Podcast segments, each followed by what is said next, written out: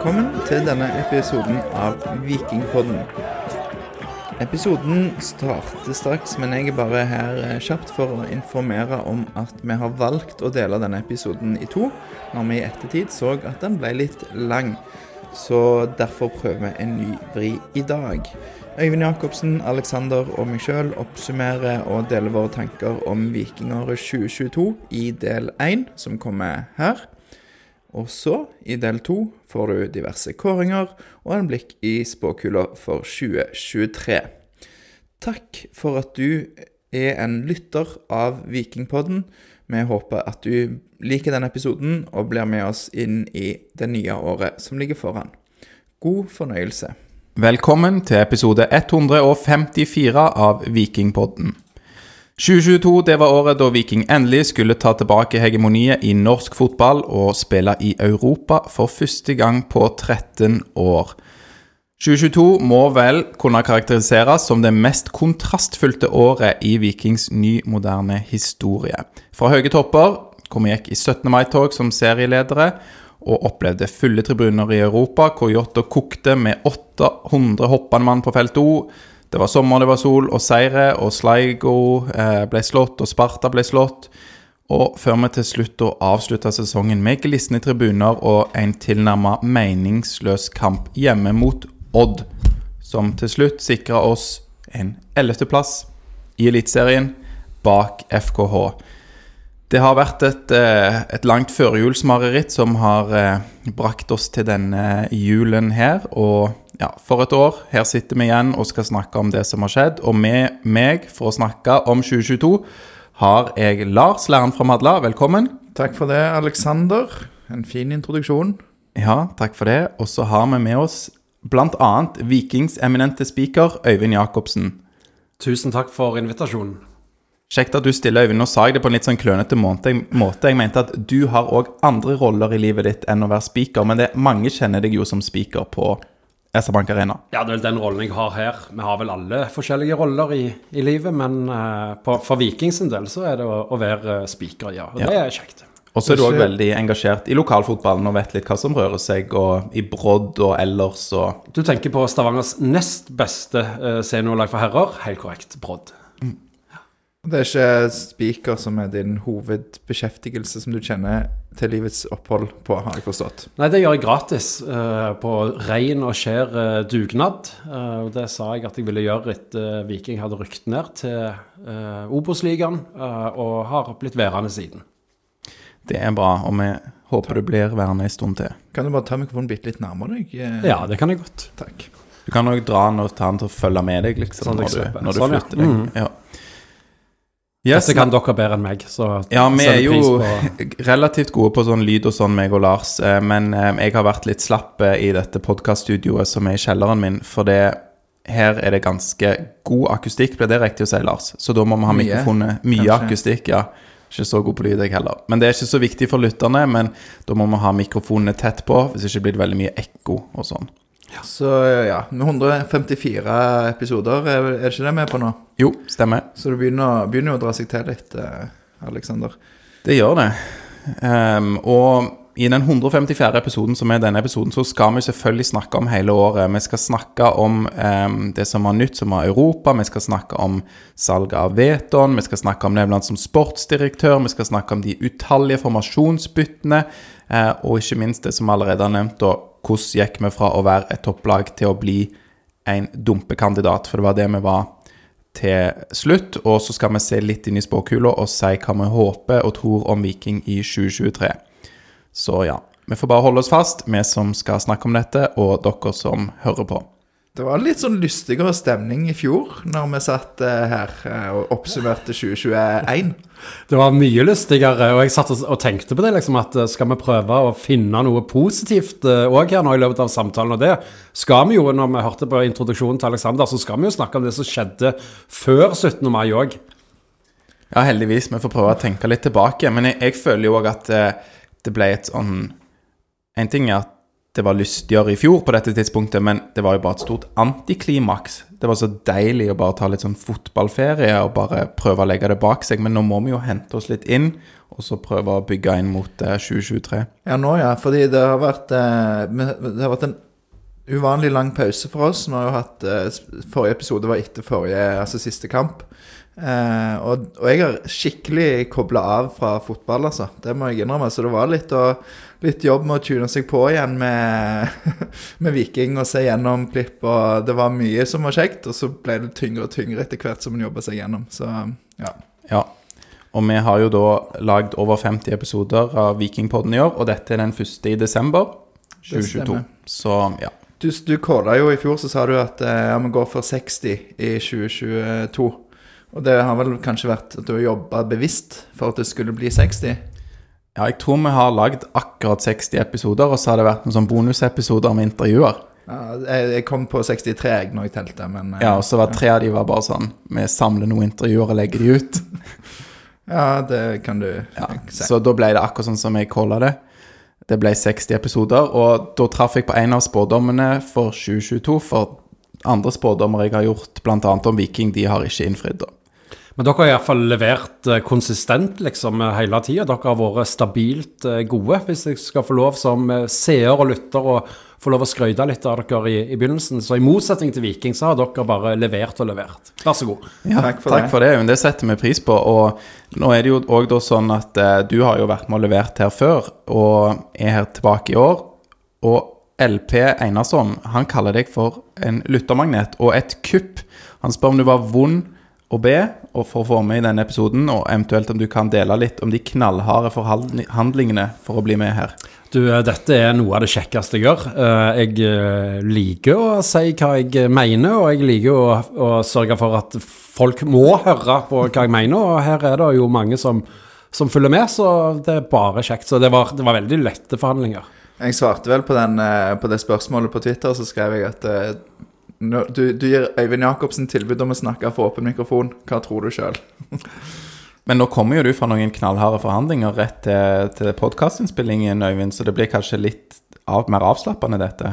Eh, ja, eh, jeg tror det var ikke så veldig knallharde forhandlinger, men eh, det er klart at eh, Brodd trenger å forsterke seg litt, eh, de òg. Så det var faktisk en Viking 2-spiller som vurderer å komme til oss uten at jeg kan si hvem det er. Eh, For da dukker det gjerne opp andre klubber osv. Så, videre, og så viser det at vi ikke klarte å få han allikevel. Men eh, jeg tipper at eh, Brodd signerer en Viking 2-spiller. Det får vi håpe da for din del, og at han ikke plutselig har på seg Vidar-drakt eller noe sånt. Det, Kan ikke tenke meg hvorfor han skulle gjøre eh, det. Eh, Det gjelder jo å spille på et høyest mulig nivå når du har ambisjoner. Kan du bekrefte eller avkrefte at det er Rolf Daniel Vikstøl? Det er ikke Rolf eh, Daniel Vikstøl, men Rolf Daniel Vikstøl var ivrig på å få oss til å signere Erik og Arne Brott som spiss, den tidligere keeperen til, til Viking. Og han har signert for Brodd som, som spiss, og det ble jo veldig spennende å se hva han kan få til på, på det nivået. Kult, da. Han tar eh, overgangen fra SIF da til Brodd. Stemmer. Ja. Ja. Nei, men det, det er bra. Nå har jo du eh, skrøyta litt av oss innledningsvis. Det varmer jo i hjertet. Takk igjen. Eh, da kan jo Sindre Gausdal Johannessen på Twitter òg bare få skrøyte litt av deg. Han sier at du er helt sjefspeaker, og at han gleder seg til episoden. Så ja. Da får vi se om han eh, blir fornøyd etter, etter hvert. ja, vi får håpe det. Det var ikke noe spørsmål der. Ja. Men eh, vi tar noen lytterspørsmål sånn innledningsvis, og så skal vi gå over til hva vi spådde i fjor om 2022-sesongen. Og et lytterspørsmål her som har kommet inn fra Joakim Moseberg, han, har, han lurer på hva har skjedd med den gode medieoppslutningen rundt Viking? Eh, det er så vidt at det kommer artikler om Viking fra Aftenbladet lenger. Alt av rykter kommer fra Twitter og Nettavisen, sier Joakim. Er du enig i dette her, Øyvind? Ja, eh, gradvis i alle fall. Jeg syns jo både Rogalands Avis, som fortsatt er en avis eh, som iallfall leverer journalistikk, eh, og, og Aftenbladet har eh, redusert eh, omfanget. Og det, det er vel litt sånn for de òg, at når de er høyt oppe, så, så er interessen og deres interesse mye større enn å, enn å holde på å skrive om eh, et lag som ligger og mellom 9. og 11. plass på, på tabellen. Så jeg tror det har vært natur, naturlig, men det er jo farlig, da. For eh, vi må ha sterk interesse rundt Viking, og journalistikk rundt Viking er i så måte veldig viktig. Merker du det sjøl òg? Altså, I fjor sant, vi var på denne vinden, en bølge. Eh, det var litt lettere å gå ned her og liksom lage noe. Eh, ikke at motivasjonen for å lage podden har sunket, men som jeg sa, det var godt med en ferie. Jeg syns kanskje òg det har blitt litt eh, repetitivt i år, og kanskje har det vært litt, litt færre ting å ta tak i. De tingene som har vært å ta tak i, har vært store. Eh, type sånn eh, dumme salg og, og sånne ting. Men man kan liksom ikke lage 20 artikler på rappen om det. Eller det, det kan man jo gjøre. Noen har jo gjort det. Og så er det jo sånn at Viking prøver å holde kort og tettere til brystet nå, eh, etter de gikk på noen smeller i, i overgangsvinduet i, i, i sommer, og, eh, hvor de opplevde at eh, spillere som de gjerne ville ha sjøl, gikk til, til andre klubber. Og Derfor var det jo nesten ingen som visste om vår nye slovener som signerer i, i dag på, på venstrebekken, før det omtrent var klappet og, og klart. Urbancic, sier jeg det riktig? Kanskje. Urbancic, kanskje. Ja. Det er iallfall veldig spennende. Jeg liker at Viking henter den type spillere. Og så får vi se om vi er like heldige med, med han som vi var med Brekkalo. Det blir spennende å se. Men er det litt Altså, eh, de har jo levert noen saker nå i det siste òg, og jeg lurer på om det er tre, fire, fem saker om, om det, disse, det med å signere Urbancic og eh, spekulasjon rundt Salvesen. Så det De òg har sikkert hatt litt ferie, da. Og det, det skal de få lov til å, å ha. Men vi, vi trenger en, en, en, et medielandskap som er veldig opptatt av uh, Viking, i tillegg til, til det dere gjør i forbindelse med kamper og podkaster. Kan du kanskje bare ta et lytterspørsmål som går litt på dette med å hente spillere, da? Eh, For Sigurd Ånestad på Twitter, han lurer på Han sier han skulle gjerne hørt fra Jacobsen hva du mente om å hente unge talenter fra utlandet framfor å slippe til unge eh, eller lokale talenter på nesten samme nivå. Eh, Ja takk, begge deler, sier jo han. Eller blir det mer nei-sats lokalt? Og så nevner han at det finnes en him i Sandnes Ulf med lignende egenskaper. Ja, jeg er nok der at jeg syns at Viking har veldig mange lokale spillere allerede. Skal vi ta det steget opp og kjempe mot Bodø-Glimt og Molde, Rosenborg osv., så, videre, så så går ikke det. Eh, noen lokale spillere skal vi selvfølgelig ha i Viking, men eh, vi må nok ta inn over oss at eh, vi må hente fra det europeiske markedet. Du, du har en god andel i klubben nå, en del unge talenter med da Tangen som fortsatt er ung, du har Auklend som har slitt med skader, og så har du Kvia Egeskog bak der, i tillegg til de mer etablerte som eh, Janni og Østbø og Torsteinbø, som bidrar i varierende grad. da. Ja, Du hadde jo Edvin Austbø som fikk noen kamper òg, så, så der er spillere. Men de må jo ta steget. Og, Ja, ja, ja. De må ta steget, men, men den lokale andelen på eh, Vikinglaget er mer enn god nok. Og det jeg, hørte, jeg husker vi diskuterte i fjor, så, så jeg husker ikke hvem jeg lurer på om det var du, Eivind eller Aleksander, faktisk, som sa det, at det, de unge talentene kommer ikke til å få så mye sjanser i altså, neste år, fordi Viking skal være en toppklubb og er avhengig av, av at spillerne leverer stabilt. Og det kan du ikke forvente av en, et ungt talent på samme måten. Så ble jo ikke sesongen helt som vi hadde håpet, da. Men eh, ja. Nei, det er jo i hvert fall noen på trenerbenken der som har håpet at et ungt talent som Daniel Karlsbakk f.eks., han skal levere kamp inn og kamp ut. Han har fått det på det sine ble vel skuldre. litt tvunget fram.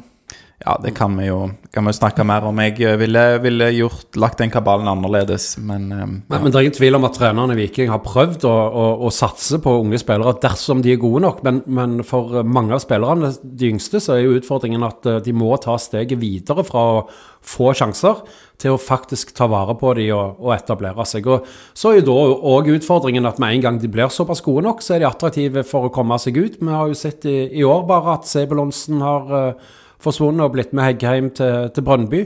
Så det er klart at uh, vi, vi konkurrerer jo òg med utenlandske klubber om våre egne lokale spillere. Absolutt. Eh, vi tar en liten tur opp i spikerbua igjen, før vi kanskje slipper det som eh, tema. Eh, Andreas, som heter athalvorsen04 på Twitter, han lurer på, Øyvind, hva var grunnen til at du ikke var spiker i flere av de siste kampene i årets sesong?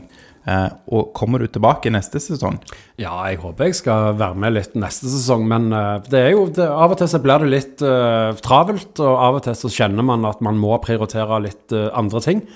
Uh, og når Det passet seg ganske fint, for jeg så jo for meg at det ble lite mål og, og jubel, så da tenkte jeg at det var bedre at Kjartan Salvesen tok de eh, triste kampene.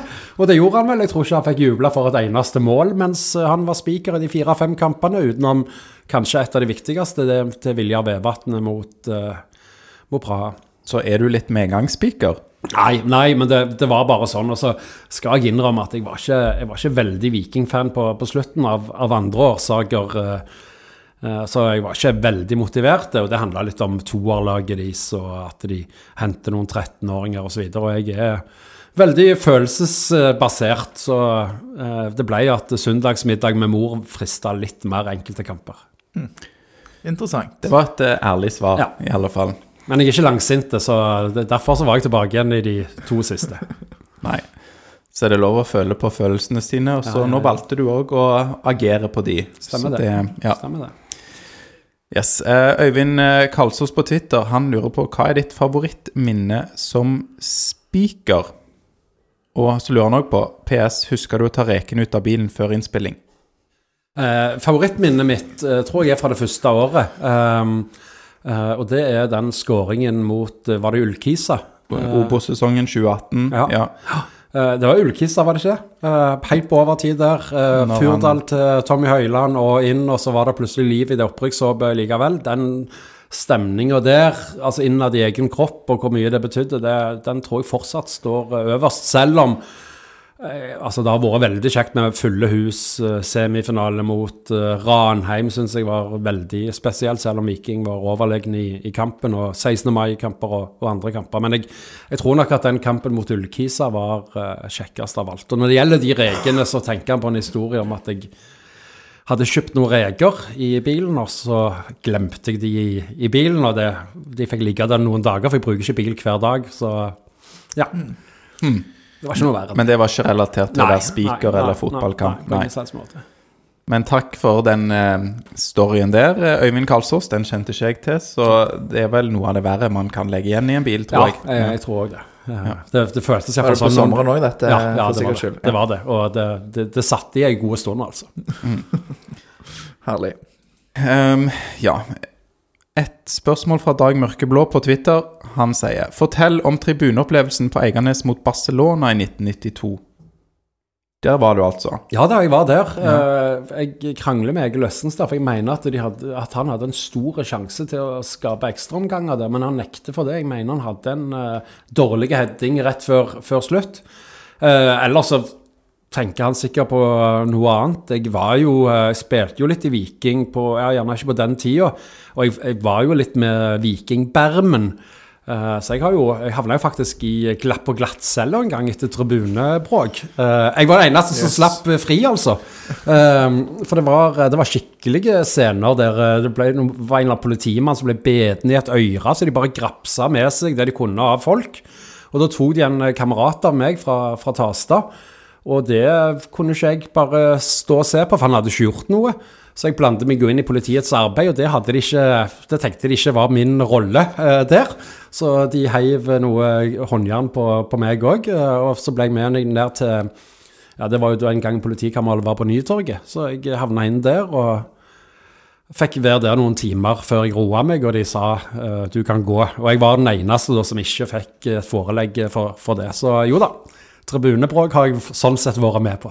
Ja. Men det var ikke den kampen, altså. Det var ikke Nei, nei, eh, Det var i, det- i 92, det var rundt da, men det var ikke den kampen. Jeg tipper det var eh, Ja, eh, det kan faktisk ha vært Nei, jeg tror det var en 16. mai-kamp i 2-3-94, ja. Ja. Skjønner. Ja, og for øvrig for våre unge lyttere, de fleste, eller mange, vet sikkert at Viking spilte en dobbeltkamp mot Barcelona i 1992 og tapte 1-0 sammenlagt. Ja, og der eh, er det jo på videohøydepunkter på, på YouTube, men det som er sant der, det er at Viking eh, dominerte sjansestatistikken borte i Barcelona. Og eh, det var sånn sett en ganske kjedelig 0-0-kamp eh, hjemme, men hvor f.eks. Kenneth Storvik uh, herja teknisk mot eh, fra før ganske gode teknikere i, i Barcelona-laget. Og vi har nevnt det før i denne podkasten òg, men eh, blant de mest kjente Barcelona-spillerne, i alle fall for de som følger fotball nå, er jo da Pep Guardiola, som spilte begge eh, kampene, både hjemme og borte. Ja, Du hadde òg Laudrup og Koman. Det var, det var stjerner rett og slett på, på Barcelona-laget. og De vant jo Europacupen òg i de tidene. Det er Skal vi gå til spådommerne nå, for det har jeg gleda meg litt til. Ja, vi tar et spørsmål til. Ja. Eh, Vi tar et spørsmål fra Erlend Goa. Han sier 'god jul'. Takk for Og det. så sier han er det Øyvind som har ansvar for musikken på stadion. Vil i så fall hylle han for, bru for bruken av lokale band som Prikkedøden og Poor Bambi. Jeg vet ikke om jeg sier det riktig. Poor Bambi. Ja. Eh, nei, jeg, jeg prøver å spille litt uh, lokal musikk. Det er jeg som har ansvaret for uh, musikken stort sett, da, når ikke Kjartan og markedsavdelingen klarer å bestemme seg for at de skal få et eller annet kor fra Randaberg eller noe sånt. Så, så er det jeg som får ansvar for å spille litt musikk. Og jeg har lyst til å spille litt uh, lokal musikk og mye vikingsanger. Mm. Men jeg legger ikke veldig mye arbeid i, i det, altså. Men uh, Prikkedøden er bra. Ja, men jeg kan jo si jeg har sendt deg en melding en gang i pausen fordi at jeg reagerte på en sang eh, som jeg syntes var litt i overkant grov. Men da fikk jeg bare svar tilbake at det er ikke jeg som har ansvaret i pausen. Sendte du til meg? Nei, det var på den tida jeg røykte. Jo, eh, så da gikk jeg alltid ned og tok meg noen sigaretter. Eh, og da overlot jeg det til, til, de andre, de som jobber med skjermene osv. Ja. Eh, og da har jeg hørt at det har kommet litt eh, forskjellig galskap. Det, ja. Ditt eksempel var nok ikke det verste likevel. Nei, ok. Nei, man må ha litt eh, filter. Det er jo barn på absolutt, tribunen osv. Og, og, og nå har du slutta å røyke òg, da? Ja da, ja da. Ja. det har holdt meg eh, snart eh, åtte måneder, og det går fint, det. Men ja. jeg eh, snuser jo litt. Ja, men det er mye bedre etter hva jeg forstår, så um, gratulerer med det. Takk for det. Men da, um, ja Før vi har fått uh, innspill fra lyttere da, til kåringer, både noen forslag og til kategorier, så de kommer etter hvert. De kommer etter hvert. Vi, vi tar dette i rekkefølge. Det, det er verken meg eller Lars som har lagd eh, manus, det er Torjer Meling. Så vi følger Torjer sitt eh, manus. Eh, han har òg da klart å grave opp noe, i hvert fall for meg, litt sånn uheldig, som eh, vi nå skal ta. Det er nemlig det hva vi spådde da for 2022-sesongen. Eh, I fjorårets episode som vi spilte inn på denne tida. Um, Husker du hva du spådde for Viking eh, sin del, Øyvind? Ja, altså, Jeg husker ikke helt tallet her i studio, men jeg eh, gikk jo inn og sjekka Twitter-tipset mitt. Og mm. der hadde jeg Viking på en syvende uh, plass. Uh, så jeg var nok uh, Traff jo ikke helt, da, men jeg var nok nærmest av de jeg kjenner. Du spådde i studio her en liten nærtur for Viking. vi syns jo det var urimelig av deg å gjøre det. Du sa femte- eller sjetteplass. Da tenker jeg at jeg ble revet med av veldig høye tips fra, fra dere andre. Så hvis jeg husker. Man eh, blir vel lett påvirka av autoriteter man har i livet sitt. Så når du sitter med oss, så er det lett for deg å bli revet med. Jo da, men litt motstand klarte jeg å gjøre likevel, hvis jeg tippet femte-sjetteplass. Eh. Ja, og siden du sa at det ble en liten nærtur, så tenker jeg at du har eh, dekning for det. Si. Det ble jo en ganske stor nedtur. Ja, det, alle vi var jo altfor optimistiske, dessverre. Men du Alexander, var mest optimistisk. Ja, jeg tenkte at dette skulle bli eh, Viking sitt år, så jeg hadde jo tippa Viking på førsteplass. Um, og hvis jeg hadde hatt enda litt mer innflytelse ute i Ottervågen, så kunne det fort ha gått veien. Den må du fortelle litt nærmere om. Ja, nei jeg Du hadde bare gjort gode valg? Jeg hadde gjort mye bedre valg, eh, åpenbart. Nei, jeg eh, Vi hadde jo vet om Berisha lenge. Det er jo lett å, å, lene seg på den. Og vi så jo at det gikk bra på vårsesongen. Mange vil si at eh, Viking overpresterte, og Viking var virkelig ekstra påskrudd i de kampene mot eh, Bodø-Glimt og Molde, f.eks. på mm. vårsesongen.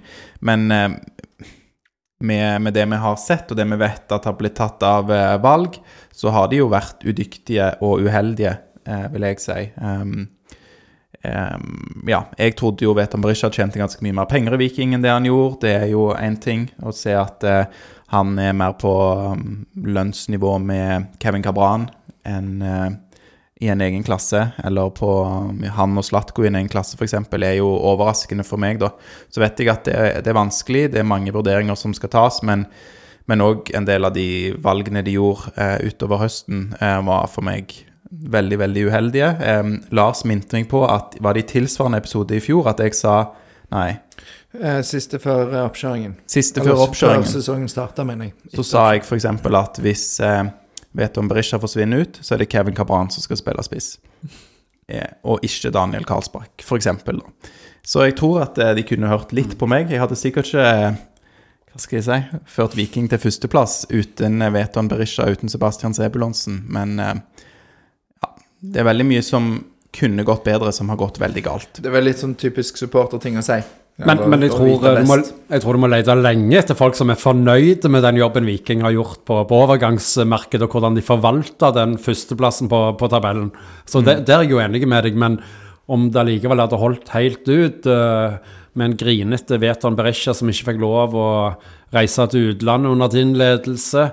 Eh, ja, jeg er ikke helt sikker på at det hadde blitt gull da heller.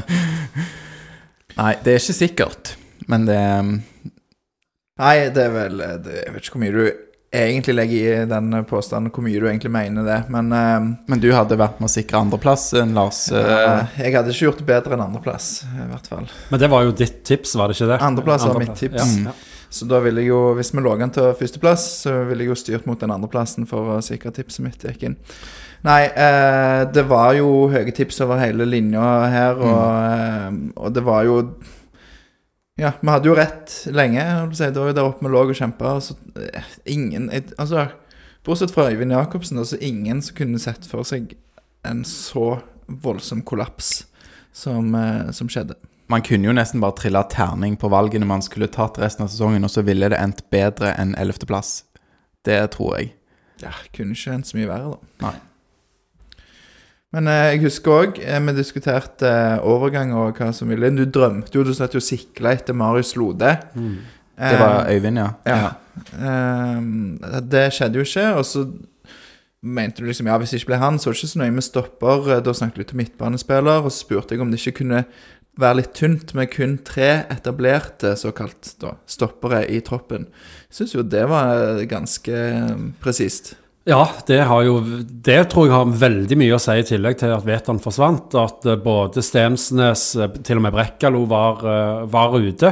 Det tror jeg òg var en del, viktig del av grunnen til at Viking gikk over til trestopperssystem. For å unngå gjerne at uh, Vilja Vevatnet måtte ha oppspillsansvaret helt alene, at man bare låste av makkeren, f.eks. Så Uh, at Viking uh, ikke har hatt nok i bredde der, da. Det kan vise seg, Lars, at det var ganske bra uh, sett av deg. Takk for det. Dette er jo det som er fint når man nå har podkast, så kan man gå tilbake og høre på hva man faktisk sa. For, for de som ikke har podkast, de bør jo kanskje skrive dagbok, da. Så kan de se hvor kloke de var før sesongen, og referere tilbake til spådommene sine. Ja. Ja, så eh, ble det jo da eh, litt tynt eh, på, på stoppeplass, og eh, ja, det kom jo noen spillere inn før sesongen. Det var Daniel Karlsbakk, nevnte Daniel Karlsbakk. Så kom Niklas Sandberg inn, noe som veldig mange var, var positive til. At han bytta ut eh, Haugalandet med Stavanger. Og så kom Patrick Gunnarsson eh, permanent fra Brentford. Markus Solbakken ble henta inn fra Stabæk, og så kom Nesselquist inn i trener- trenerteamet. Foreløpig ett år ble det på Ole Martin Nesselquist i eh, Viking. Eh, Markus Markus Solbakken ble òg henta inn som en sånn konsekvens av hvem som forsvant ut, da. Dessverre. Eh, vi har vært inne på det på den før her. Altså, Vi kan jo ta de som gikk ut, i tillegg til Iven Øysbø og Jonny Fjordal som la opp, og Tommy Høiland som trappa ned, eller gikk til Sandnes Ulf. Eh, Joe Bell som forsvant til Brønnby. Mm. Eh, som jeg kanskje tenker den en av de viktigste faktorene til at sesongen ble som den ble.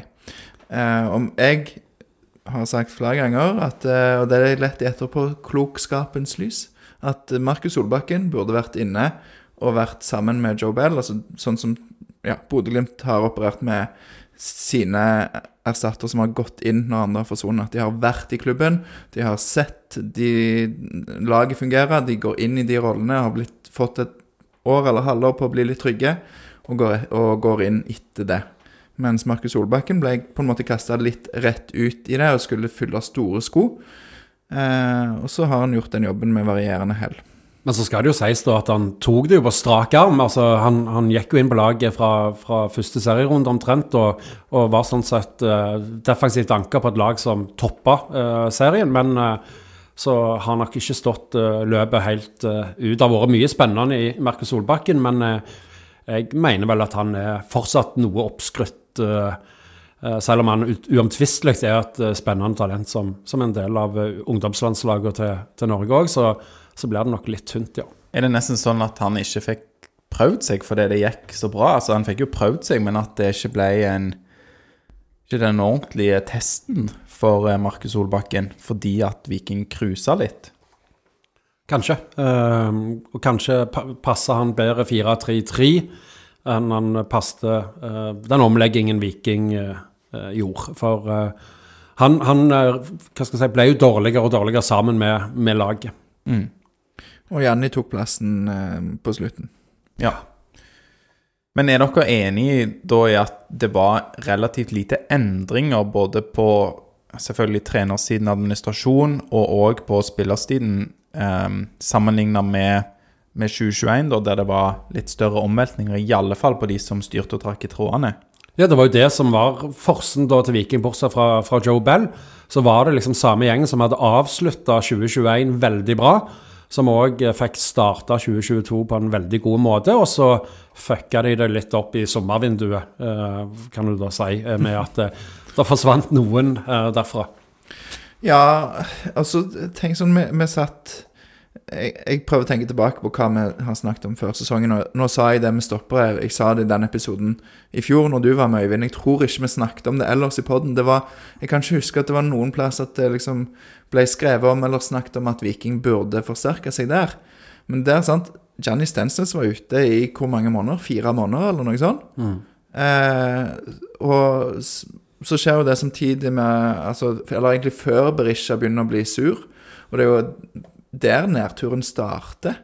Eh, så jeg tror det Altså de to tingene med Johnny Stensnes og Joe Bell vel så viktig nesten som Berisha-saken. Hvis du hadde hatt en hatt inne mm, en solid stopper, en tredje Altså en Sånn som de nå har hentet de opp, da så har du tre forhåpentligvis knallgode stoppere som kjemper om de to plassene. Tåler du en skade bedre enn vi gjorde eh, i, i år? Og det har jo ehm, blitt trukket fram før òg, at eh, nedturen starta jo mens Veton ennå var i eh, klubben.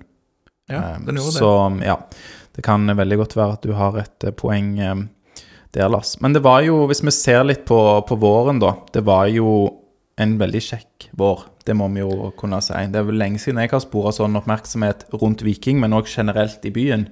Det begynte jo Det var jo en spennende start med den USA-turen og greier i oppkjøringen, som var noe helt nytt. De fikk veldig mye tyn for den. ja. men, men den dekningen òg. Aftenbladet som reiste med, eh, sendte kampene. Folk satt oppe og så på på natta. Ehm, det var jo en veldig entusiasme, og Viking spilte tross alt ganske bra etter hvert i, i oppkjøringen. Og Niklas Sandberg så ut som en uh, forsterkning og var friske. Uh, jeg syns Kabran viste til Altså, det var, det var så mye som pekte rett vei. Så det var, gikk inn i sesongen med en forsterka tro på, på dette skulle bli året. Og det klarte de å beholde inn i, i sesongen òg. Det var jo ganske tidlig vi hadde Bodø-Glimt på, på SR-Bank Arena. Nå må dere arrestere meg hvis jeg tar feil, men det, den kampen der liksom bare viste at uh, her var det ting på, på gang. En av de bedre opplevelsene òg jeg uh, har hatt på, på stadion på, på lang tid, når, vi, når Viking vinner, eh, etter min mening, klart fortjent da, mot, Mm, 24. april var det. mot, mot Bodø-Glimt, ja. Ja, og der er jo sant, Tre dager før så har Viking med charterfly vært i, i Bodø med Jeg vet ikke hvor mange supportere som var med, men det var et godt bortefelt. Og det var, der òg var det en sånn kamp der du følte at dette faktisk Viking kan faktisk slå Bodø-Glimt. Det endte jo med tap til Sverige i den semifinalen der. Men så snakket jeg med liksom flere etterpå, og eh, altså jeg- Vi reiste hjem med følelse av at vi tar dem på søndag. Vi, vi slår Bodø. Men bare for å gå litt tilbake til denne oppkjøringen med denne USA-turen. Det, det fikk jo mye tyn, det var dårlige forhold. eh, Så var det litt sånn varierende hva lag disse MLS-lagene eh, stilte med. Det er jo gode lag hvis de stiller med sine A-lag, absolutt. Eh, Så ble jo det selvfølgelig stille etter denne kritikken, fordi at Viking kom så godt i gang i serien. Men sånn som du ser det, Øyvind, er det sånn Er dette enten gull og grønne skoger eller totalt skivebom å reise på en sånn eh, treningsleir? Jeg tror de prøvde på, på noe nytt, og jeg eh, syns det var rett av de å, å prøve. Så tror jeg de har fått eh, gode erfaringer og noen eh, dårlige erfaringer. Jeg tror nok òg Viking skulle ønske at eh, lagene stilte noe bedre. At det var mindre behov for å spare spillere, for det var så tett kampprogram. Eh, for disse amerikanske lagene. Og så var det vel en av kampene som ikke ble vist på TV, som gikk på en dårlig kunstgras og måtte bli flytta eller noe sånt. Sånn universitets... Ja. Eh, men men eh, jeg òg satt jo oppe på netten og, og så dette her, og det, det klart det bygde opp en, en stemning når Viking kom. Motstanden tatt i betraktning allikevel, godt ut fra det, så, så bidro det til å skape positivitet hos supporterne, men òg innad i, i grupper, tror jeg. Ja, og om det er enten eller nei, altså her har du begge deler. Altså Det var mye bra med det, det var mye dumt med det. Eh, jeg syns det var altså, kult, det var noe spennende, det var noe annet. Og så tror jeg ikke de gjør det igjen med det første. Det er jo stress. Det er jo litt langt. Annen tidssone og greier. Og, ja. Ja, det, det kjipeste med det, kanskje, altså det aller, aller verste, det var jo at det var to som satt igjen i Stavanger. Ja, stemmer. Eh, Mai Traoré og Daniel Karlsbakk som ikke fikk, eh, fikk være med på den turen pga. visum og noe feil At de hadde kryssa av i feil boks i en eller annen søknad med Daniel Karlsbakk eller et eller annet. Ja, så kom vel eh, så kom Løkberg og en til samme dagen som første kamp, eller et eller annet sånt, men, men eh, Ja, ja. det var korona. Ja, det var det, ja. Ja. Eh, Men, men allikevel, jeg tror eh, allikevel det er en sånn fin erfaring å, å ta med seg eh, eh, videre. Jeg vet ikke hvor mye det hadde bety for fotballsesongen 2022, men det var spennende for oss som satt hjemme. Og sikkert interessant for de som, som var der nede. Og så kom vi jo godt i gang, som vi allerede har sagt både én og to ganger. Og um, da vi skrev 17. mai, og det var tog gjennom byen, så hadde vi spilt åtte kamper, og av de så hadde vi vunnet seks, én uavgjort og ett tap. Og det var jo da begynnelsen på nedturen. Noen vil jo si at 16. mai-kampen mot Jerv, man så det allerede da. Da vant vi 3-0, men det skulle et rødt kort til før det løsna. Og det var jo noen tette kamper òg i innledningen av sesongen, men vi fikk jo eh, godt med poeng. Det var veldig solid hele veien. Syns, altså Selv om sånn som mot Sarpsborg fikk vel med Målet kom på overtid eller noe sånt, men Det var første kampen i ja. Eliteserien det året, ja. Det var Altså, det virka, virka solid, da. Ja, men det var allikevel at det var den der driven i gruppa, tror jeg, som gjorde at Viking eh, vippa ganske jevne kamper. Fikk eh, marginer eh, med seg som Og de pleier jo alltid å si at ja, men i løpet av en sesong så jevner ting seg ut, og det har de jo sånn sett gjort. Der Viking Og vel så det. Ja, ja. men der, der Viking gjerne fikk målet på det rette tidspunktet, fikk det røde kortet på det rette tidspunktet, så, så gikk det jo andre veien uh, seinere på, på året. Det eneste var vel Altså, den var ikke jeg på, men det var vel en kamp 12. mai hjemme mot Godset, eller var det seinere? Ja, der vi spilte godset ut av eh, etter alle kunstens regler, og det ble 0-0. De hadde Mm, ingenting. stemmer. Ja, Det stemmer, Lars. Det var hjemmekampen mot Strømsgodset. Det var vondt å se på. Det var vi ordentlig, ordentlig gode. Ja, Men, det de var, var virkelig gode. Og, men var det etter 16. mai mot Molde borte? Det var 7. mai, Molde borte. Ja, for det, det var altså fantastisk. Ja da, de fikk et rødt kort, det ble straffe, men å snu 3-0 mot den suverene seriemesteren borte til seier 4-3, det var euforisk. Og det var vel da Kjetil Flygen eh, hadde sin famøse kommentar. ja, der du snudde med den. eh. Ja, men jeg forstår han veldig godt, da. For eh, da, da var jeg òg sånn at jeg, jeg så den kampen helt alene. Det liker jeg ikke å gjøre, egentlig. Men da gikk jeg rundt i stua liksom bare i en sånn sirkel og tenkte skal Viking vinne gull igjen nå etter 30 år? Og hva var kommentaren til Kjetil Flygen, journalist i Stavanger Aftenblad? Det var vel at ingen kunne stoppe Viking eh, nå, mm. rett og slett. Og at eh, 30 års ventetid eh, var eh, over. Det var nesten så han innkasserte eh, gullet der og da. Ja. Ehm, så det Er det gjerne en sånn eh, kandidat til kategorien Årets hodemist, sånn gitt på klokskapens ja, navn? Årets uttalelse. Eller Ja. Årets uttalelse, ja. Kanskje, kanskje det er òg en konkurrent til den eh, Leif Tore Linde alltid legger ut hvem kan slå Viking. Eller nei, kan noen slå Viking? Eller noe sånt. Han legger alltid den ut når Viking vinner, da. Det var en Aftenbladet-forside en gang i Ja, tiden. 2015 eller noe sånt. Der Aftenbladet var i overkant optimistiske. Ja. Men det var Nei, Moldekampen var nok høydepunkt, eh, tror jeg, der. I tett konkurranse med Bodø hjemme og Jerv hjemme. Men det var vel kanskje den kjekkeste De de kjekkeste kampene som i serien kom allerede da. Og så var det jo, begynte det jo litt sånn rusk på denne tiden. Det var vel her det ble eh, slått stort opp, òg i Stavanger Aftenblad, at eh, Patrick Gunnarsson flytta på stolpene. Det var kanskje litt seinere det kom på sommeren der. Jeg tror det var rett etter, altså, eller etter den siste kampen før landslagspausen, så det var kanskje i slutten av mai, begynnelsen av juni, Ja. tror jeg. Litt eh, uheldig og litt eh, skal jeg si? Jeg ble bare overraska over måten det var slått opp på i Aftenbladet òg. Det ble så voldsom sak òg.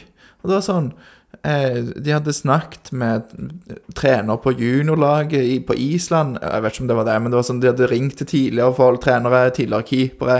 Fått alle til å uttale seg om, om denne dette stolpeflyttingen til Gunnarsson, som eh, Bare for å ta det, da. De fleste lytterne husker sikkert dette, men han hadde jo en rutine, da, Patrick Gunnarsson, som gikk på å trekke litt i stolpene og gjøre målet litt eh, mindre. Ja, så du tenker på at han juksa? Eh, For det var jo faktisk det han gjorde, så det er jo Ja. selvfølgelig rett av Aftenbladet å skrive at uh, keeperen på et av Norges beste fotballag uh, jukser for å hjelpe laget sitt. Uh, så det syns jeg Avis var med integritet. ja, ja, det var helt på sin plass å, å skrive om, selv om det selvfølgelig er vanlig praksis hos mange.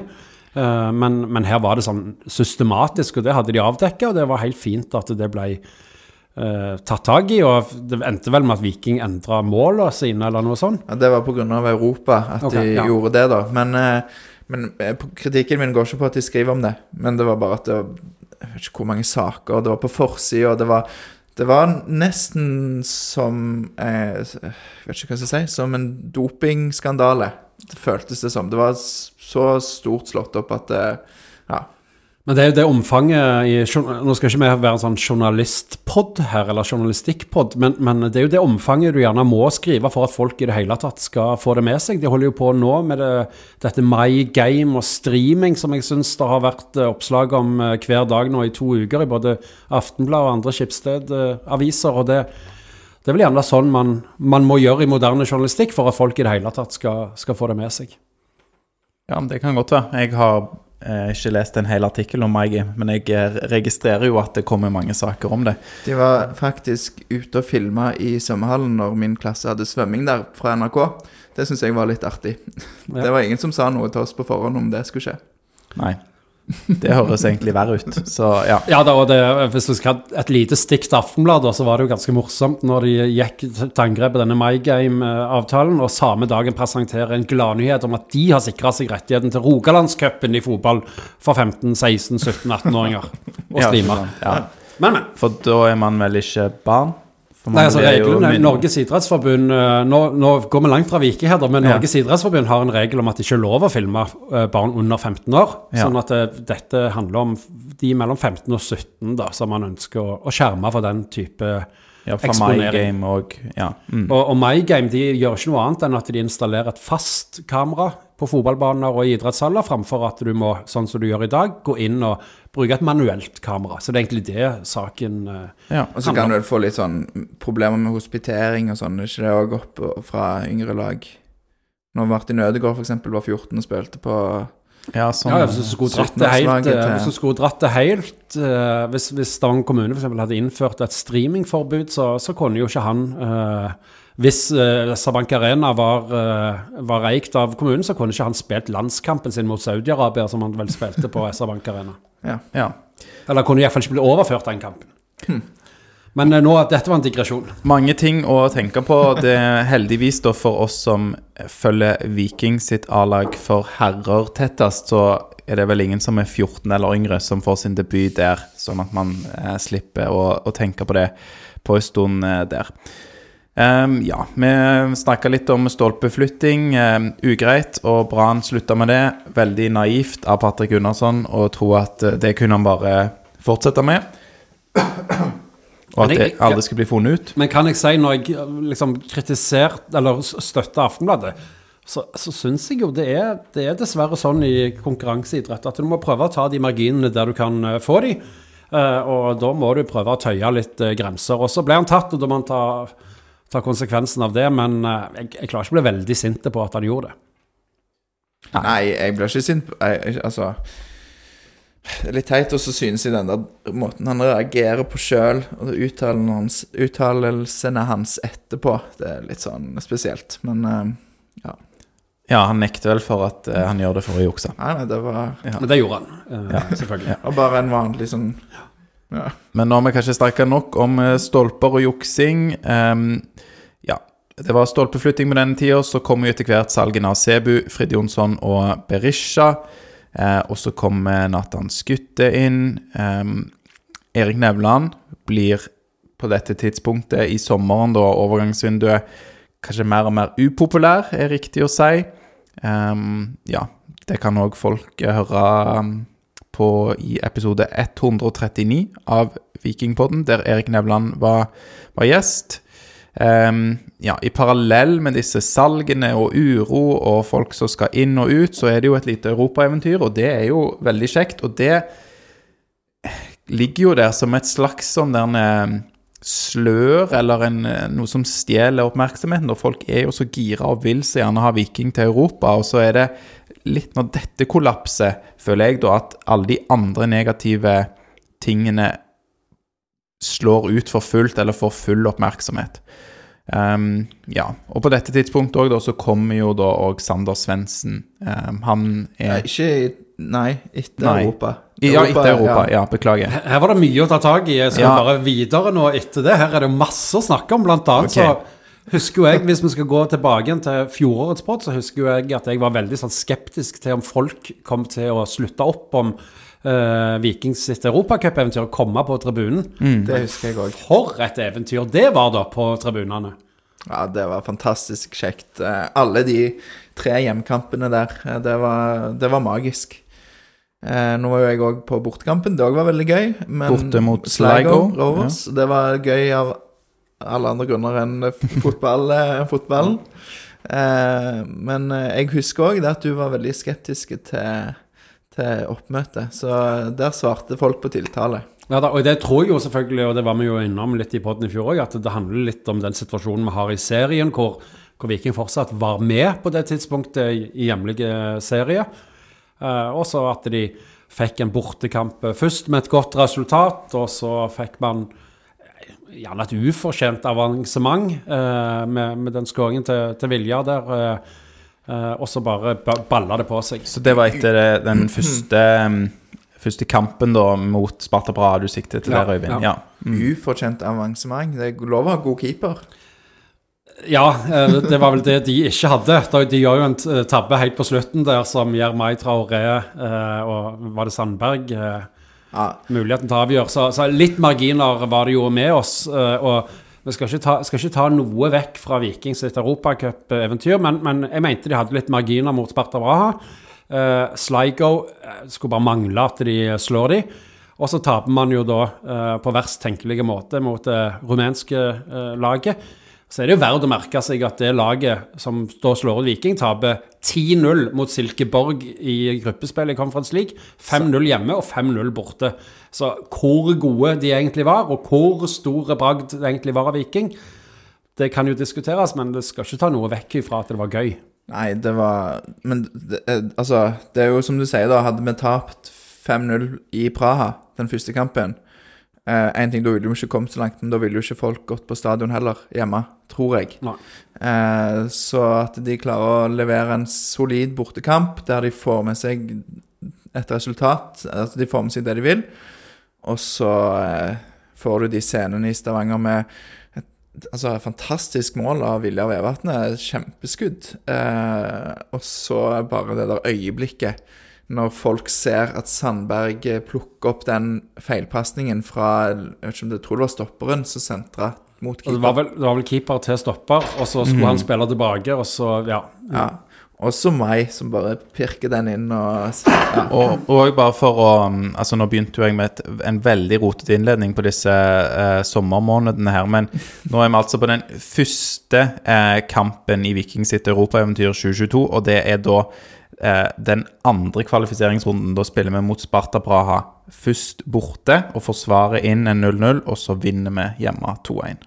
Ja. Ja, stemmer. Og på dette tidspunktet, Alexander, da har jo både Sebulonsen og Berisha eh, gått ut dørene. Eller Berisha går ut dørene egentlig etter Praha borte, men det var klart før det, da. Eh, og overraskende bare Sebulonsen var sånn ut av intet. Så bare var han solgt til Brønnby. Eh, og så Berisha var jo ikke så overraskende, og ikke så ut av intet. Nei. Men skal, vi ta, skal vi ta litt på den nå? Du Eh, hadde jo forberedt en liten tirade der, eller vil du ha det seinere? en tirade på eh, Lønn og Berisha Ja, jeg har ikke forberedt så veldig mye på det, men jeg eh, Klart at det er Man vet hva man har i Veton Berisha, og man vet ikke hva man får. Eh, man vet hva man trodde man skulle få på dette tidspunktet. De jobba med å hente inn eh, erstattere som var høyere oppe på ønskelisten enn det, det Sander Svendsen var. Og klart at det kan være at eh, Veton Berisha hadde kosta fem millioner ekstra i år i lønn for å gjøre han glad, og det kan de nok ikke, ikke gi. Men eh, jeg bare ble overraska òg da når eh, Aftenbladet nevnte Aftenbladet la ut en, eh, en liten oversikt over hva forskjellige spillere tjener i Viking, og jeg føler at eh, Veton Berisha lå, lå lavt. Jeg vet ikke om noen av dere har reflektert noe over, over lønn, og hva man kan eh, forvente å få som Norges beste spiss. Jeg har jobbet eh, lenge nok eh, med skattelister som journalist, om, å- og til å vite at de skattelistene ikke nødvendigvis gjenspeiler hva, hva folk tjener. Det er jo etter fradrag eh, osv. Så, videre, så der kan det være veldig mye som eh, sørge for at han uh, hadde litt lave uh, summer. Men Han har kan jo ha vært elendig på aksjespekulering, f.eks. eh, eh, og, og mange andre ting. Så, så, men at vikingspillerne tjener for dårlig, er det det du mener? Eller at de tjener for godt? Jeg tror jo òg det blir veldig dyrt, i hvert fall, å ikke holde på de man har, og ikke strekke seg langt for å gjøre det. For det, at det å, å famle og få inn kanskje de som er femte eller åttende prioritet på en ønskeliste, eh, som er mindre òg sjanse for at de fungerer, det blir jo òg dyrt i lengden, da. Og jeg tror man, man har lært noe av det nå. Hvilken store utfordring, syns jeg, da, mange norske klubbers utfordring, er at de har for mange spillere som tjener mye. Jeg kunne heller tenkt meg at uh, nummer 16 til 22 uh, var, uh, hva skal jeg si, gikk på studentlønn, eh, hvis mulig, og at man heller la inn litt mer krutt på, på de aller, aller eh, beste. Eh, Men det er klart det, det er vanskelig. Og så er jo Viking i en situasjon der vi snakket om før, hvor, hvor man har veldig mange rutinerte spillere som tjener gode penger, og som gjerne ikke er inne på laget. Og da må man jo hente folk som skal ta plassen deres, og de må jo ha tilsvarende betalt, og så baller det på seg. Så det, det er nok òg en hodepine for, for Nevland. De, og vi kan jo spare det da til vi skal snakke om overgangsvindu, men vi kan jo ikke bare gi skylden til, til Erik Nevland her. Det er noen andre som jeg vil gi, gi mer skyld for det dårlige overgangsvinduet. Men kan, vi- skal vi ta det nå? Ta det nå, siden ja. vi er på sommeren. Det er jo da overgangsvinduet er. Ja. Jeg, jeg har gjort dette før, men eh, det er jo eierne i Viking som legger premissene for den jobben både Bjørne og Erik Nevland og sånn sett trenerne skal gjøre. Og vi har eiere i Viking som har som sitt fremste formål, virker det som, å sitte og ruge på aksjer og sitte og beholde innflytelse og makt over eh, klubben vår. Altså til over 200 000 i, i denne regionen. Og det gjør de for en utrolig billig eh, penge. Det snakkes hele tida om at de har lagt igjen så mye penger i Viking. Ja, hvis du deler det på antall år de har fått lov å styre noe av det mest styrbare vi har i denne byen, så er det vekslepenger. Eh, og mange av de bør snarest gå i seg sjøl og si eh, og, og vurdere om det er best for klubben og for byen at de eier aksjer, eller bør de gi de til noen som faktisk er villige til å bruke litt penger eh, på Viking. For signalet som Bjørne og Nevland får, det er at dere har ei ramme, dette er ramma, tenk langsiktig osv., for her kommer det ikke kapitaltilførsel. Og da Sorry, da kan Viking få økte rammer, men problemet er at eh, de andre klubbene får mye mer økte rammer, og da blir Viking en lillebror på markedet. eh, Og da når man ikke opp på de spillerne vi vil eh, ha. Så de eierne du sikter til her, da, Øyvind, er det folk som syns det er kjekt å være med og leke? Kjekt Ja. å ha de rollene? Ja, det er folk som eh, har eh, enten arva eller skaffet seg penger. Det er det samme hvordan de har, har gjort det. Eh, de er en del av et fellesskap som sitter i noen losjer og som møtes på noen turer her og der. Og syns at det er veldig stas å være med og bestemme hvem som skal sitte i styret til Viking osv. Uh, og de eh, bidrar dessverre ikke i dagens bilde noe særlig til annet enn å beholde makt for seg sjøl. Mm. Det er brutalt, men eh, sånn er det altså. og Uh, det, det, det er viktig, og jeg er glad for at Aftenbladet har begynt å se litt på det. Jeg syns de kan se enda mer uh, på det.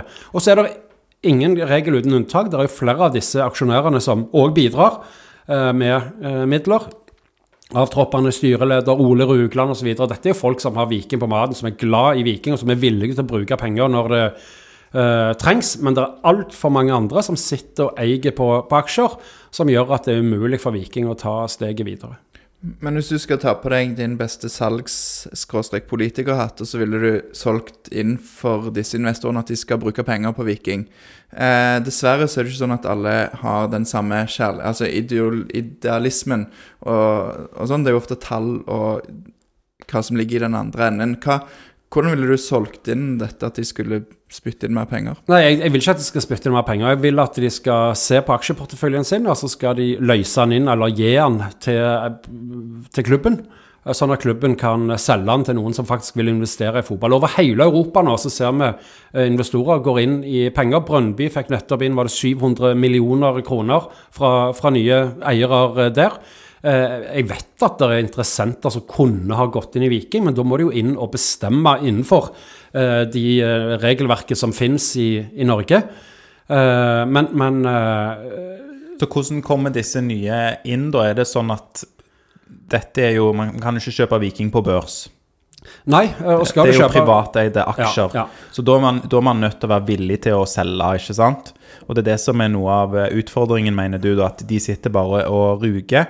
For det er ikke noen mulighet for folk som kanskje har penger og vil bruke penger, som ikke er med i dag, på å komme seg inn. For det, man kommer seg inn på to måter, hvis jeg skjønner dette riktig. Man kjøper aksjer fra de som allerede eier, eller så er det de som allerede eier, må bli enige om at det kan være en emisjon, at man utsteder flere aksjer. Så det vil si da at hvis jeg eide Viking, og jeg hadde alle aksjene i Viking, 100% av aksjene, så må jeg si ok, det skal være en emisjon, vi kan lage nye aksjer, sånn at min eierandel går ned.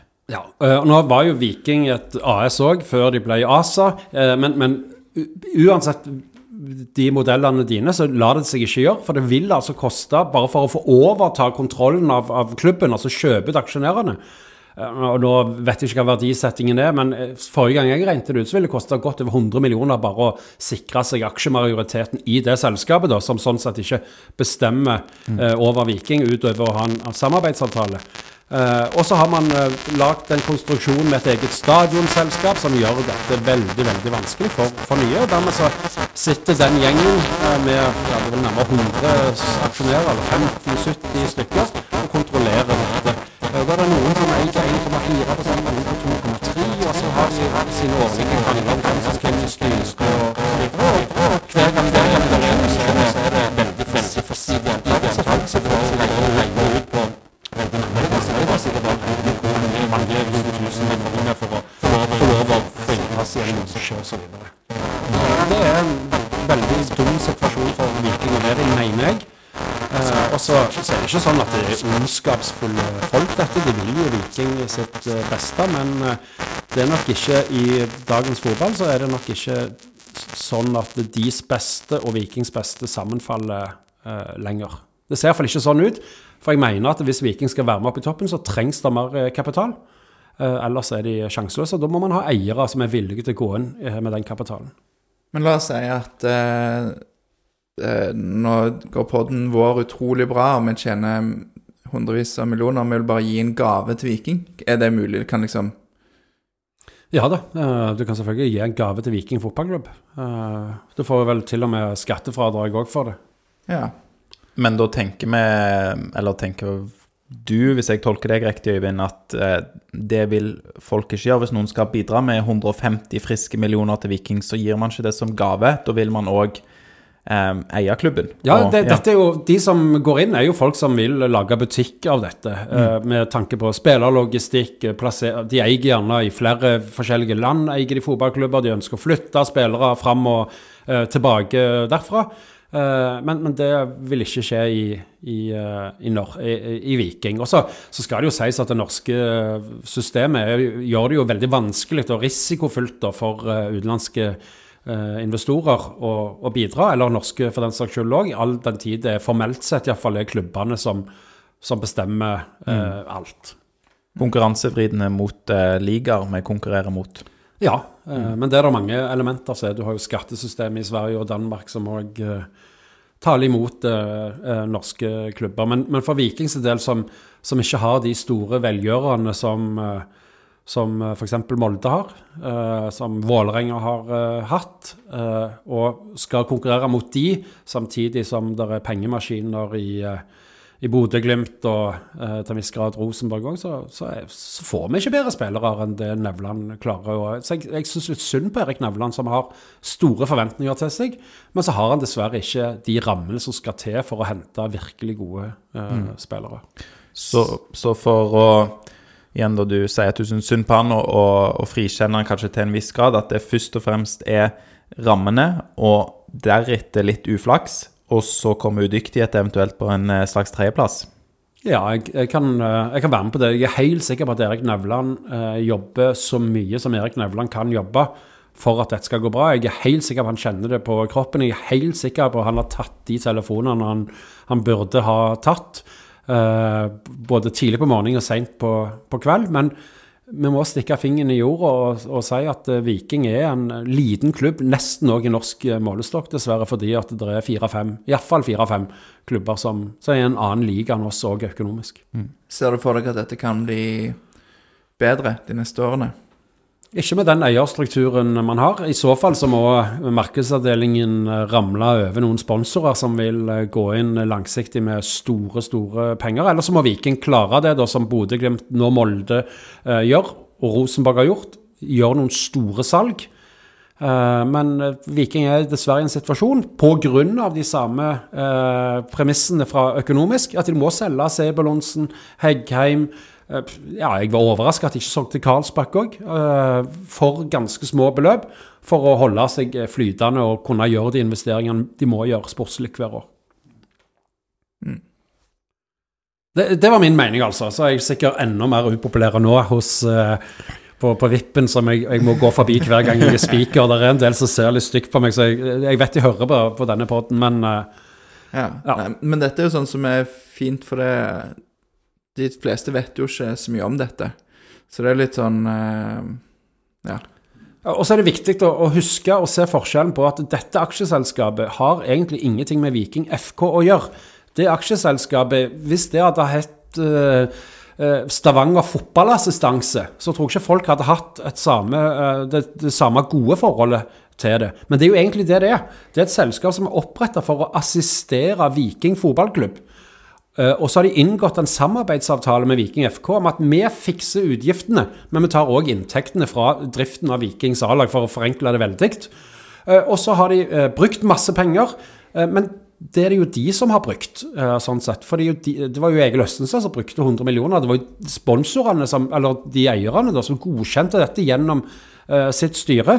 Og, og da fikk ikke de det til. De rykte ned. Så har de samme eierne klart å ta Viking opp igjen. Eh, og så må vi huske at Henningsen han jobbet jo for dette selskapet, han jobbet ikke for FK. Bjørnøy jobber nå for begge deler. Eh, så den miksen der gjør det, eh, tror jeg, at begge heter Viking, gjør det vanskeligere å kritisere og vanskeligere å forstå for de fleste av oss, meg sjøl inkludert, hvem som bestemmer hva, og hvem som har ansvar for, for hva. Absolutt. Kanskje vi skal um, komme tilbake til dette temaet, ha en sånn økonomispesial. vi leser oss godt opp og får med deg igjen, Øyvind, og så får vi med oss eh, Ja, Det var veldig interessant. Ja. Fått med oss eh, Christ, eh, Stig, eh, styrelederen, og ja. egentlig for å, å forstå det, og ideelt sett òg bare skissere opp løsningen for hvordan ja skal det, ta det det. kan godt være lurt at jeg gjerne er ikke med, for jeg kjenner at jeg blir litt sånn aggressiv her. eh, Men eh, Skriv det ned, Alex. Ja, jeg skriver det ned, og så fikser vi det. Men um, ok, nå, nå ble det jo dette en litt sånn der en sommersaus, da. Um, er det Mm, noe godt ut. Ja, en, en sommersaus med europaspill og dårlige eliteserieprestasjoner eh, og overganger og manglende midler. Eh, ja, Så bare for å ta oss litt tilbake, hvor er vi? Jo, vi er jo her da i eh, em, sommermånedene Europaspillet. Vi snakket ganske mye om spesielt da eh, Viking mot Sparta Praha, og så vinner da Viking over to kamper mot eh, Sligo Rovers, sammenlagt 5-2 i den tredje kvalifiseringsrunden til Europa Conference League, og så ble det da tap i august 2022 over to kamper mot Stoja. Og det var Ja. Det var der vi var. Det var det Stoa du pekte på, Øyvind, at det kanskje ikke var et veldig bra lag, for de tapte 10-0 mot eh, Silkeborg. Ja, skal det sies at de spilte uavgjort i begge kampene mot Anderlecht, eh, som òg er et bra lag, da. Eh, 0-0 og 2-2. Og så hadde de to tap mot Westham. Men det var et bra lag, men, men det var nok ikke den store bragden eh, hvis, eh, hvis man hadde gått eh, videre. Men nå var det jo en dommer som frarøvde oss eh, eh, den muligheten. og når uh, Sondre Bjørsol glir i uh, spilleren der, og det blir blåst straffe, så Tidenes billigste. Nei, det er det nok ikke. Det er nok helt greit å blåse straffe, men uh, det er jo veldig dumt for Vikings sin del at man, man blåser det. Men Han blir jo lurt, dommeren. ja, og det ser ikke ut som at han har tenkt å gjøre det sjøl, for han kikker bort, og så lar han spillet gå videre, og så blåser han. Så han får seg et eller annet på øra der. Jeg er ganske sikker på at VAR ikke hadde tatt den, fordi jeg så den ganske nøye mange ganger. Og det, han er jo på foten hans. Ja. Jeg er helt sikker på at VAR hadde tatt den, for det er jo en felling innenfor 16-meteren du- mens spillet er Jeg i gang. tror dere er enige, dere bare sier motsatt. At uh, VAR, du mener, Lars, at VAR hadde latt straffen stå. Ja, Ja. jeg tror VAR hadde lagt straffen stå hvis, når han dømte straffe. Jeg tror VAR hadde latt straffen gå hvis dommeren lot den Ja, Der er jeg uenig. Der måtte VAR gått inn og så sagt at det er en straffbar forseelse innenfor Viking 16-meter. Nei, unnskyld, fra Jo, Viking 16-meter, og, og dermed så må det blåses eh, straffe. Det er jeg helt, helt klar på. For han, Sondre Bjørsson sklir jo inn i spilleren og feller han. Det, det går det ikke an å Selv om han overspiller der, så, så går det ikke an å si noe. Og da Jeg må si jeg bare er på lag med Lars her, da. Jeg tror jeg, at VAR hadde her Hvis dommeren hadde latt han gå, så hadde det vært soft contact og eh, play on. Han hadde ikke overstyrt det, men eh, det er min mening. Ja da, jeg, jeg skulle ønske at dere at, at, at, Ja, jeg skulle ønske at det var sånn, men, men, men eh, jeg tror nok Ja, la oss være enige om å være uenige der, da. Men Ja. når den straffen da går i mål, og Kevin Carbran ikke skårer på den halvsjansen oh. han har eh, rett etterpå, så er vel egentlig sesongen 2022, hvis vi ser vekk fra NM, eh, som ennå ikke er over, så er vel den over. Eh, Det er vel der sesongen er ferdig. Ja, for jeg tror mange bare hadde dette håpet ikke sant, om at Europa det blir eh, Det er så viktig og det er så stort fokus for mange at selv om andre ting eh, har gått imot oss på overganger og i Eliteserien, så hadde vi fått gruppespillet der, så hadde det vært fokus den høsten. Ja, Da kan det jo godt være at det hadde ikke gått så gale, i hvert fall, i Eliteserien òg. For det var jo sånn kollektiv eh, Et slag i den kollektive magen til Stavanger. Altså Alle spillerne, alle på tribunen, det var bare Det var så antiklimaks. Det var så vondt, og det var så tungt eh, for alle. Så jeg, Og sjøl da med en enda større belastning på spillerne rent fysisk den høsten, som du er inne på, Lars, så tror jeg òg at det, det kunne jo knapt godt være. Vi vant jo en av de ti siste kampene der i Eliteserien på høsten. Og ja. Ja, og altså Det er jo selvfølgelig mm, en ting du ville fått litt Den flyten du ville ha bygd litt videre på det momentumet, men en annen ting er jo de 40 millionene som ville kommet inn. Altså, da hadde du kanskje ikke tatt eh, Svendsen for 3-4 millioner. Da hadde du kanskje tatt eh, en annen for tre Tolv. ganger så mye. Ehm, Ja, så hadde gjerne Salvesen kommet allerede da, og så hadde vi jo fått kamper mot Westham og Anderlecht og Silkeborg og Hvis det hadde blitt de, da. Eh, Ja. Men, men, men eh, Jo, men du kunne fått, altså, du kunne fått veldig kul motstand, og så ja, Nei, jeg eh, tror den hadde så stor betydning for, eh, for psyken, til, til spillerne og trenerne og alle. Og um, rett etter dette ehm, Ja, at Viking sklir ut av Europa der den 25. august, så det er da Sander Svendsen kommer inn. Han kommer inn etter alle europakampene, stemmer ikke det, Lars? Det stemmer. Og eh, skuttet har allerede blitt henta på dette tidspunktet.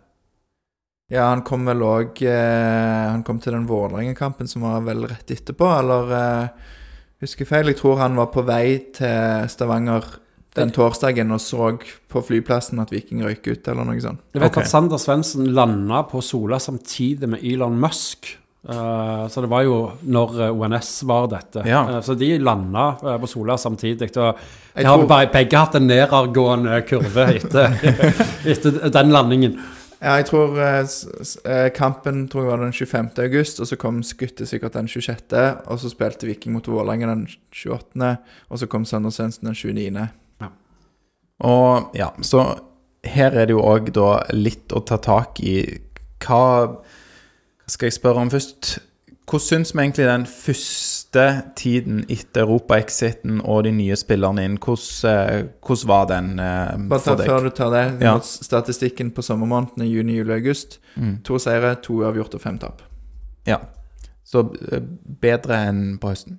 Ja, Kan du si. Eh, Altså, jeg må innrømme at Og jeg burde gjerne ha forberedt meg noe bedre, men jeg husker nesten ingenting fra høsten. Det har liksom bare vært en sånn evigvarende sånn Stang ut. Jeg vil ikke kalle det stang ut engang. Det har vært litt sånn energiløst. Uh, og og det, det er jo faren, liksom. Når det går bra, så blir du så godt vant. Uh, og da er det ikke så veldig spennende uh, borte mot Jerv osv. om du kjemper om en åttende-niendeplass. Og da begynner du å bli en gammel fyr, så da ramler sånn ut av hukommelsen. Så jeg Sånn på stående fot skal jeg ikke huske en eneste høstkamp. Ja, det, der, eh, der har jeg jo da gjort litt forberedelse, og litt kombinert med at jeg har lagd pod. Men, men ja, sammenligna med i fjor, der jeg, jeg kunne sikkert på et tilsvarende tidspunkt så kunne jeg fortalt om alle målene. Jeg kunne sagt liksom det var den kampen der han ble bytta ut for han, og så gjorde han det. Men det er litt som du sier, den er vi saus av bare drit. Um, Det jeg i hvert fall kan si, er jo at uh, Nathan Skutte gikk rett inn på laget mot Vålerenga. ja, det var du veldig kritisk til, husker jeg. Ja, jeg, jeg syns jo det er jo på ingen måte noe sunnhetstegn når eh, spillerne ikke får eh, ei treningsuke engang før de eh, er klare til å spille. Og så var det tilsvarende for eh, Sander Svendsen da, tre dager etterpå, når han var spilleklar når vi møtte KBK eh, borte. Tapte jo Mm. begge de kampene 2-1, for øvrig. Ja, uten at det er deres skyld. Uh, Nei, Det er selvfølgelig ikke deres eh, feil, men, eh, men burde de ha spilt eh, i det hele tatt, lurer jo jeg på. Det er avgjørelser som jeg tenker at trenerne uh, uh, tar. og jeg tror ikke det er så veldig vanskelig å komme inn i noen lag. Du må jo inn på et eller annet tidspunkt uansett. Og vi har jo mange historier på folk som har uh, skåret i debuten sin. Uh, husker jo Brekalo. Han kom riktignok innpå, gjorde han ikke det, når han stanga inn målet mot uh, Molde. Eh, så det, det kunne selvfølgelig fått en annen start på det om de ikke starta kampen, Alexander. Jeg, jeg ser den, altså. Ja, men jeg mener jeg, Og hva skal jeg si Beslutningen i seg sjøl er jo ikke nødvendigvis feil, men det er jo et sykdomstegn når de kommer inn og starter på den måten. Det mener jeg. Da er det Om det er fordi at du har hatt et dårlig overgangsvindu, eller om det er fordi at du har skader, eh, veldig tett eh, kampprogram, hva som helst, men eh, Jeg er ikke enig med deg at det er et sykdomstegn, fordi sykdomstegnet lå allerede i resultatene her. Og spillet til Viking, de sleit jo på banen, de fikk det jo ikke til. Og så ble dette et forsøk på en løsning, altså et løsningsforslag, eh, som dessverre ikke ble eh, det blir ikke fasit fra nå. Nei, det ble ikke fasit. Eh, Og det er jo spillere som de har henta inn for å forsterke Viking. Så det er jo for å vise både spillere og fansen at eh, hei, se hva vi har fått tak i. Nå skal Viking bli bedre. Og så For, for jeg har også tenkt sånn, hvis du hadde starta med eh, Du hadde fått inn Sander Svendsen på Om han kom på mandagen og Viking hadde kamp på torsdagen, eller noe sånt, tror jeg. Um, Tror det var søndagskamp mot Kristiansund, men det er ikke så farlig. jeg tror jeg ganske sikker på det var midtukekamp, for okay. det var deadline day. Ja. Um, det er jeg ikke sikker på. Uh, uansett så hadde han noen dager. Og hvis du da hadde start Du hadde fått så mye kritikk gjennom hele sommeren for at du ikke har henta en erstatter for Veton Berisha, og så sier du at du henter en erstatter for Veton Berisha som kommer inn, og så velger du å starte med Daniel Karlsbakk, som folk åpenbart ikke er fornøyd med, som på en måte ikke har levert Mm. på det nivået som eh, Berisha var, eller som en Men, Berisha men noen kamper seinere så er det jo nettopp det de gjør. Da Ja, men, starter ja, de jo og det er jo en helt annen sak. Men, men når du da henter den spilleren som nå har man på plass, han skal være vår erstatter, så sånn Nei, men ikke ennå. Vent litt. Det er litt Du kan jo ikke gjøre det på pur stolthet. De, men de tror jo på det. Jeg tror ikke handler om håper, stolthet. jeg håper de tror på det, ja. Jeg Ja, håper de det tror tror på jeg. at det er det, det er det beste og det lureste. Altså, Viking må jo gjøre noe. De er bare nedadgående kurve. De må snu et eller annet. De må få inn noen friske folk. De må endre formasjon som de gjorde. Og så blir det liksom, når det ikke lykkes første forsøk, så endrer du gjerne til noe nytt igjen. eh, og så funker ikke det heller. Så tenker du at nå må vi stå på noe. Jo, men det funka jo ikke forrige gang, så det funker jo ikke nå heller. Og så, eh, så får du liksom aldri det svaret du vil ha. Eh, Og det var jo utfordringen til, til trenere og, og spillere. Ja, for når det ikke funka hjemme mot eh, Nei, borte mot Kristiansund den 31. august, tror jeg det var. Eh, eller 1. september, jeg vet ikke. 31. august var det, ja. Ja. Eh, så tenker de da må vi gjøre noe annet eh, på Lerkendal eh, tre-fire dager etterpå. Alexander. Ja, det var vel HamKam innimellom der. Var det det? Nei. Det tror jeg ikke det var. Igjen, jeg husker ingenting, men uh, dere er veldig detaljorienterte her Nå nå. går vi veldig Nei, du har rett, det er, um, det er Rosenborg eh, før HamKam. Ja, beklager, Lars. Eh, ja, jeg, jeg kan Skal jeg ta det, for det har jeg på min eh, flopp, eller hva heter det? Min eh, Skal vi bare, begre, skal vi bare begrave liksom, resten av gjennomgangen av sesongen og gå på kåringer nå? For eh, Ja, vi det er kan jo det. bare Nå, nå graver jeg meg veldig ned i mye dritt, og noe av det kommer uansett i de kåringene her. Ja. Skal vi, er det noe du vil si før vi går på kåringer, Lars? Vi kan jo ta noen tørre fakta, da. Eh, statistikken der er én seier, eh, som kom eh, borte mot HamKam 11.9. Én seier, tre uavgjort og seks tap. Eh, det er jo nedrykkstall. Og Viking avslutter sesongen med fem seire på hjemmebane av 15. Ja. Eh, Det er òg tungt. Mm. Det er jo det. Så- Iallfall for en spiker som har lyst til å juble. Siste hjemmeseier var vel i juli, 17. juli eller noe sånt mot Kristiansund i serien. Så nå forstår du hvorfor jeg holdt meg vekke på slutten der, Lars. Det, Nei da, men vi kan eh, Sesongen slutte der, og um, Viking evaluerer seg sjøl. De freder Betty og Morten, og eh, Prosjektstillingen til Ole Martin Nesselquist går ut. Ja. Vi kan ta det litt på neste sesong. Skal vi ta kåringer? Ja. Ja. Men kåringene må du finne neste del av episoden, som slippes 31.12.2022, for å få høre. Der blir det òg eh, et blikk inn i spåkula for 2023. Takk for at du har hørt på del én av eh, denne episoden, og håper du blir med oss videre i del to. Og for å avslutte episoden sånn som vi alltid avslutter, så sier jeg heia Viking.